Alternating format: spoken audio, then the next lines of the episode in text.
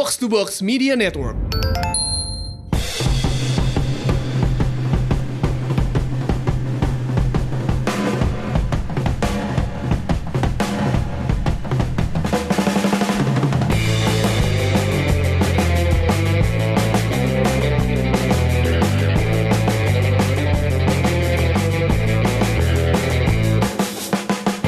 Welcome back di Garuda Mengudara episode keempat. Kali ini gue dan Labib kembali setelah episode sebelumnya kita gantian uh, dengan dengan beda-beda partner.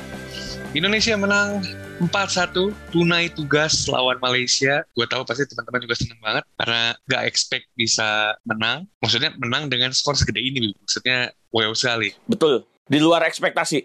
Betul sekali karena kita kan istilahnya butuhnya cuma draw buat lolos gitu ya. Yes. Tapi ternyata menang, menang besar, jadi jadi peringkat pertama grup luar biasa banget. Kalau dari sendiri Luar. pertandingan tadi, Ya, gua sih sebenarnya awalnya bener pasti sama. Mungkin orang-orang pada bilangnya Indonesia eh, optimismenya tinggi, tapi melihat Indonesia yang butuh hasil draw dan melihat permainan Sintayong yang menurut gua eh, ibaratnya lumba-lumba tuh naik turun naik turun nggak bisa diprediksi kapan dia mencengkram, kapan dia bermain defensif dan di malam ini dia ternyata bermain ofensif. Awalnya gua eh, memperkirakan eh, Sintayong bakal mencari hasil imbang, ternyata dia eh, ingin menang, high pressing tinggi di awal pertandingan walaupun sempat tadi eh, kejebolan sama uh, Kogiluaraj ya di menit 13 tapi setelah itu mentalnya tetap terjaga hingga bisa mencetak dua gol di satu babak menurut gue Indonesia menunjukkan apa yang eh, apa yang seharusnya mereka lakukan dan apa instruksi dari Sintayong eh, mungkin eh, selama persiapan AFF dan eh, mereka buktikan di pertandingan yang sangat krusial melawan Malaysia. Gue nggak tahu hasil di Singapura melawan Singapura di semifinal bagaimana.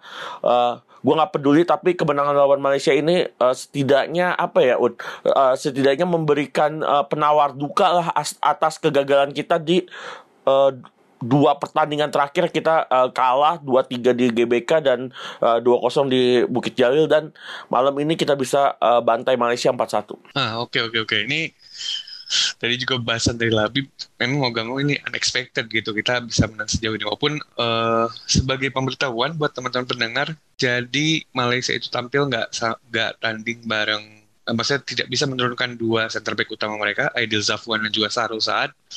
Akhirnya mainin Dion Kuls dan juga eh, Dominic Tan. Dan junior. Ya, sama Junior Ersal juga ini main kan, walaupun dia lebih ke DM, walaupun sebenarnya ini Tan Cheng Ho yang gue lihat sebenarnya mencoba mirroring strateginya, eh STY sa- men- mencoba mirroring, ya saya ya sebenarnya, tapi poinnya poinnya adalah Dion Kuls ini gue merasa bukan dia yang jadi masalah ya, karena satu dia baru datang di Denmark, eh kita juga nggak bisa nggak bisa nyamain dia sama si Elkan yang udah berapa kali tanding kan dan udah berapa kali latihan gue gua merasa league-nya bukan di do- bukan di Domi- Dominic Tan juga bukan pemain utama gitu. Jadi gue gak merasa dua center back-nya masalah. Makanya ini yang bisa dieksploitasi oleh Indonesia adalah emang center back-nya Malaysia bukan pem- bukan eh, center back reguler waktu di space juga yes. tadi eh, si Mark Marco Negeri juga bilang kalau center back ini trouble banget karena bukan pemain utama. Plus back kiri back kiri gue udah bikin di opponent scouting reportnya box to box juga. Terus juga di beberapa forum di beberapa artik eh, di beberapa forum terus gue beberapa kali nge-tweet kalau left backnya eh Mal- Malaysia ini ya left backnya Malaysia ini si Sah Sahmi kalau salah. Sami Safari. Ya Sahmi Safari ini satu posisi aslinya right back dua ini Piala AFF keduanya dia. Udah pasti ya pengalamannya belum belum se sebaik walaupun walaupun kita bisa back to differ ya karena kan pemain-pemain yang Indonesia yang sekarang juga kan yang paling sering main di AFF baru Fahrudin gitu sama Evan. Ya yang berpengalaman. Ya tapi tapi tapi case-nya adalah ya poin utamanya adalah Malaysia juga trouble timnya gitu. Eh, si komentatornya kan sempat bilang eh, kalau ini bukan squad terkuat Malaysia ya Indonesia juga sama Indonesia juga ini pemain-pemain muda doang ini cuman emang yang kita hadapin di Filipina malam ini adalah squad pal- ya Malaysia ini juga handicap lah istilahnya emang gak bagus-bagus banget di, di sisi lain kita juga harus akui terkejut lah sama golnya Kogiraj yang gua bilang kan itu pemain bagus betul gue sepakat bagus. Pemain bagus si Kogiraj dua itu. gol ya berarti di AFF gol. eh, pertama ini dia Ya, di AFF pertama, Kogiraj dia pemain-pemain oke banget. Dan ya yang gue salut sih itu Bib, Eh, mentalitinya bagus gitu. Setelah ketinggalan nggak panik gitu. dan gue lihat ini uh, juga perannya Sintayong yang kayaknya memperbaiki di sana juga dan emang gue lihat Sintayong ini bagus banget tim talk ini terutama pada jeda, babak pertama dan babak kedua ya kayaknya dia tim talknya bagus gitu buat kasih tau pemain untuk tetap tenang untuk tetap fokus ayo. kadang gue jujur waktu waktu dua gol Irfan dia di babak pertama gue takut di babak kedua kita kembali ataupun gimana ya kan dia karena sering banget jadian kan. Eh, sorry gue potong dulu. bahkan tadi gue sempat ngelihat di uh, ngelihat uh, hasil pertandingan kita. Kita kan sempat unggul 2-1 ya inget nggak waktu di Senayan uh, di November 2019 ya, eh sorry betul. di September 2019 dan gue ya. tadi sempat ngeliatin menit golnya Sofik Ahmad dan Mamadou Sumare di menit 65 uh. 90. Gue walaupun makanya, Arhan golin di menit 50-an ya, ya tadi. Ya, makanya gue juga, gue juga takut wah ini jangan-jangan sampai kebalik deh soalnya Indonesia kan sering sering gitu ya udah bagus bagus bagus tiba-tiba kurang mulai gitu tapi overall ini gue nanya ke lu sepanjang fase grup karena kita ngomongin semifinal agak nanti nanti lagi lah nanti lah uh, sepanjang fase grup menurut lo Indonesia itu tampil memuaskan gak sih kalau gua uh, Indonesia kalau tampil memuaskan menurut gue dengan uh, materi yang ada gue puas. Gue pribadi ya gue pribadi ini semua gue puas. Karena gue ngelihat uh, Indonesia ini perkembangan signifikan un. Nggak tiba-tiba langsung berada di uh, poin 100 dia tuh kayak 60 70 80 85 setiap pertandingan uh, ngeluarin kemampuan terbaiknya dan uh, kepintaran dari STY dia tidak uh, tidak selalu bermain ofensif. Uh, terhitung dia cuma bermain ofensif di tiga dari empat pertandingannya. Yang satu bermain defensif. Itu kan berarti buah pemikiran dan kejeniusannya STY uh, untuk meredam lawannya kan, untuk menaklukkan lawannya. Jadi kalau menurut gue, hmm. uh, gue puas dengan permainan Indonesia sejauh ini di empat pertandingan uh, grup B. Hmm, kalau dari gue sebenarnya yang paling gue boleh juga tweetnya Mas uh, Rohmat Setiawan dari online dia bilang yang paling unik dari SCY itu kan dia bisa ngerubah-rubah formasinya. Ini kalau misalnya teman-teman cek, jadi ini karena gue ya kayaknya lu pada juga tahu kalau gue ngefans banget sama STY. Maksudnya gue termasuk uh, inilah baninya STY lah kalau gue. Die hard fansnya STY lah. Ya, ya maksudnya gue termasuk yang pro sama STY. Uh, eh, kalau misalnya teman-teman lihat ketika di Piala Dunia 2018 itu dari game pertama, kedua, ketiga di fase grup itu Sintayong itu formasinya beda-beda. Waktu pas pertandingan pertama lawan Meksiko nggak salah, itu pasti beda-beda juga. Makanya ini emang emang kebiasaannya dia buat ngerubah-rubah.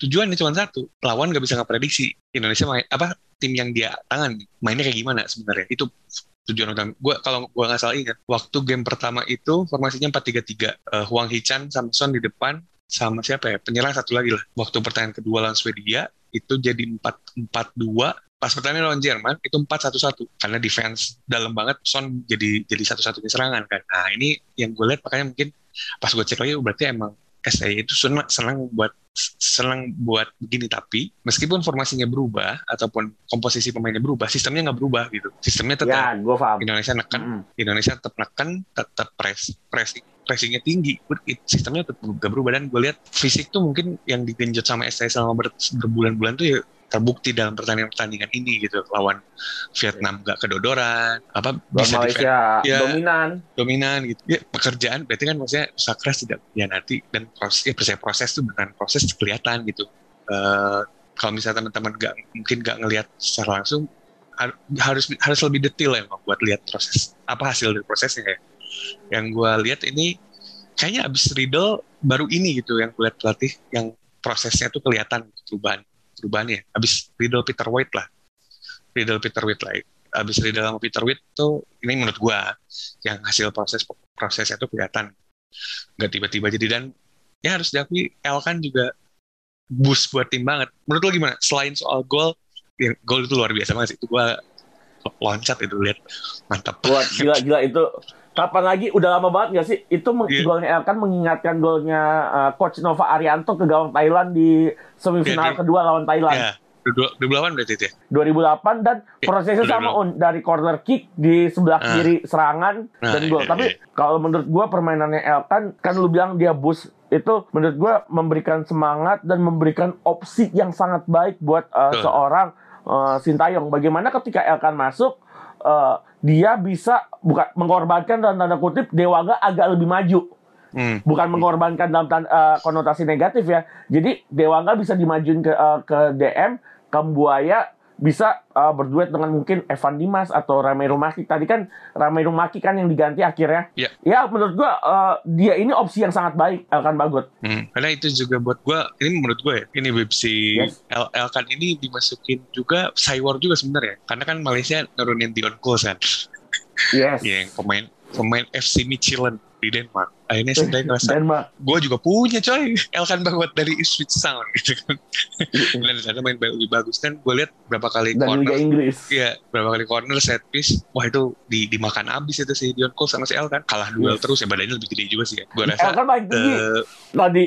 makanya udah dimakan banget. Dan sebenarnya waktu pas yang space tadi itu si si Marco Negri itu bilang sebenarnya kalau kalau Malaysia main pakai fast player sebenarnya gak, gak bukan bukan bukan apa ya bukan ide yang bagus karena fullbacknya Indonesia juga cepat mainnya kalau mau main fisikal masukin si De Paula gue sepakat sama dia Harusnya. Ya, gue sepakat sama dia. Iya. Karena gue gue pikir kalau De Paula lama, De Paula masuk, ceritanya mungkin beda. Maksudnya dari awal ya, di babak pertama. Karena Indonesia mungkin gak, gak antisipasi De Paula gitu. Oh, maksud gue eh, akan ada lebih sulit karena kita kan dari dari lawan mungkin kalau De Paula masuk bisa pakai skema yang sama ketika kita lawan Laos waktu ada Billy Ketkeo di situ kan. Tapi kan maksud gue Betul. kita dari awal pertandingan tuh dari dari awal grup ketemunya pelari cepat terus kan dan Malaysia pelari cepatnya diturunin semua gitu Eh, Arif Aiman uh, juga terus juga Safawi di, di, di bawah dimasukin semua kan tapi ternyata ya gue gue salut sih taktiknya taktik ini kalau misalnya anak-anak FM atau penyuka taktik mestinya suka banget sama Sinteyong sih. Taktiknya kelihatan banget gitu. Implementasinya ininya gitu. dan again gue sepakat juga kata-kata Mas Rossi ya karena ini kita nikmatin aja buat semifinal kita mah pikirin nanti lagi. Oke Bib Nanti lagi. Yoi. Tanggal 22, tanggal 22 ya? Tanggal 22 dan tanggal 25. wah main. Natal tuh pasti terbaik Berarti sudah minggu depan. minggu depan Ya, tanggal 22 saya ada siaran, saudara-saudara. Baru ingat Liga 2. Selalu be- benturan sama Liga 2 loh. iya Liga, Liga 2 tuh kan kan ini ya lagi delapan besar kan Oh, gue masih bisa nonton. Karena gue siaran Liga 2-nya yang kedua. oh iya yang, yang ini ya berarti yang se- yang sebelumnya ya yang sebelum pertandingan ya Enggak, yang perta yang yang kedua gue bisa nonton. Yang perta yang pertama gue ah entahlah entah aja. Pokoknya gue eh, apa pun Hmm. eh, eh, kita nanti kita bisa bahas lagi eh, bagaimana performa Indonesia lawan Singapura ya. Masih ada dua Hmm. leg ya Un ya. Yuk, yuk, benar-benar. Dan kalau misalnya ini mas sedikit aja dari gue, dari berapa game yang gue tonton, si Singapura ini terlalu depend depend banget sama anak-anaknya Fandi sih yang lihat. Maksudnya ada Isan, Yes. Irfan tuh Betul. Sangat tergantung bergantung banget. ya bergantung, bergantung banget. Walaupun kita juga harus akui eh, Hasan Suni kiper senior itu itu juga lumayan susah itu, lumayan susah dijebol Betul. itu dia. Dan Haris Harun masih menunjukkan kualitasnya sebagai skipper. Betul, betul sekali itu juga masih Dan satu lagi pemain yang harus kita eh dua Faris Lamli Hmm. dan eh, Yong. Oh iya, itu masih pakai salaman masih ada. Maksudnya tapi tapi eh, apa ya? Kalau misalnya boleh dibilang sebenarnya eh kita udah lawan kalau gua kita udah lawan lawan jenis lawan yang berbeda selama di fase grup gitu ya. Mestinya sih kecuali ada ada satu ada satu tipe yang mungkin kita belum pernah lawan yang mainnya kayak Thailand yang emang eh, apa eh, penyelesaian akhirnya bagus terus juga tiktak tiktak kombinasinya lebih lebih rapi gitu. Kalau Malaysia eh kalau Vietnam kan nyerang nyerang nyerang pressing speed cepat tapi kadang-kadang penyelesaian akhirnya nggak terlalu berbahaya gitu. Kalau gue lihat Thailand kan Betul. eh, mainnya rapi, aliran bolanya bagus, terus penyelesaian akhirnya luar biasa. Dan kita udah udah mengatasi ya, mengatasi semua tes dengan baik lah di fase grup kalau menurut gue ya. Dengan baik dan bisa lolos ke semifinal sebagai sebagai juara grup ya unexpected man jelas lah gitu. Gak, gak, gak kebayang kan. Lu pada nggak ngebayangin kan. Lu pada juga kalaupun yakin yakinnya sebagai runner up gue yakin. Bukan Nggak mungkin sebagai juara grup. di juara grup di atas Vietnam makanya karena orang-orang karena gue yakin orang-orang menyangkanya adalah kita bakal hidup mati lawan Malaysia terus skornya tipis gitu loh. dua satu atau tiga dua atau enggak berapapun ya tipis lah tapi yoi. Oke ada lagi dari lu? Gua cukup eh, euforianya kita maksimalin sampai malam ini aja. Nanti pemain pasti bakal istirahat, kita juga perlu istirahat dan kita eh, fokus untuk mendukung Indonesia di tanggal 22 nanti aja. yoi betul sekali Bib. kita euforianya eh, dipas-pasin aja kan yang maha kuasa tuh yang di atas juga kan gak suka berlebihan kalau misalnya seneng ya udah seneng aja nggak apa-apa buat buat hari ini sampai besok pas lagi tayang berarti kan episodenya boleh aja tapi kita juga fokus untuk tanggal 22 ya para pemain juga ya jangan sampai terlena lah uh, tapi kalau misalnya buat bit of fun apalagi situasi seperti itu nggak apa-apa tapi yang pasti fokus finishing the task ya jangan jangan ini jangan apa jangan complacent lah. Oke kalau gitu terima kasih banyak. Oh, ini Garuda Mengudara episode keempat. Ternyata Indonesia lolos. Jadi gua Labib dan juga teman-teman uh, box to box juga bisa menemani kalian. Semoga ini kita Garuda Mengudara sampai 8 sampai final leg kedua dan juara. Amin. amin, amin, amin, amin, amin, amin, amin, amin, amin. amin.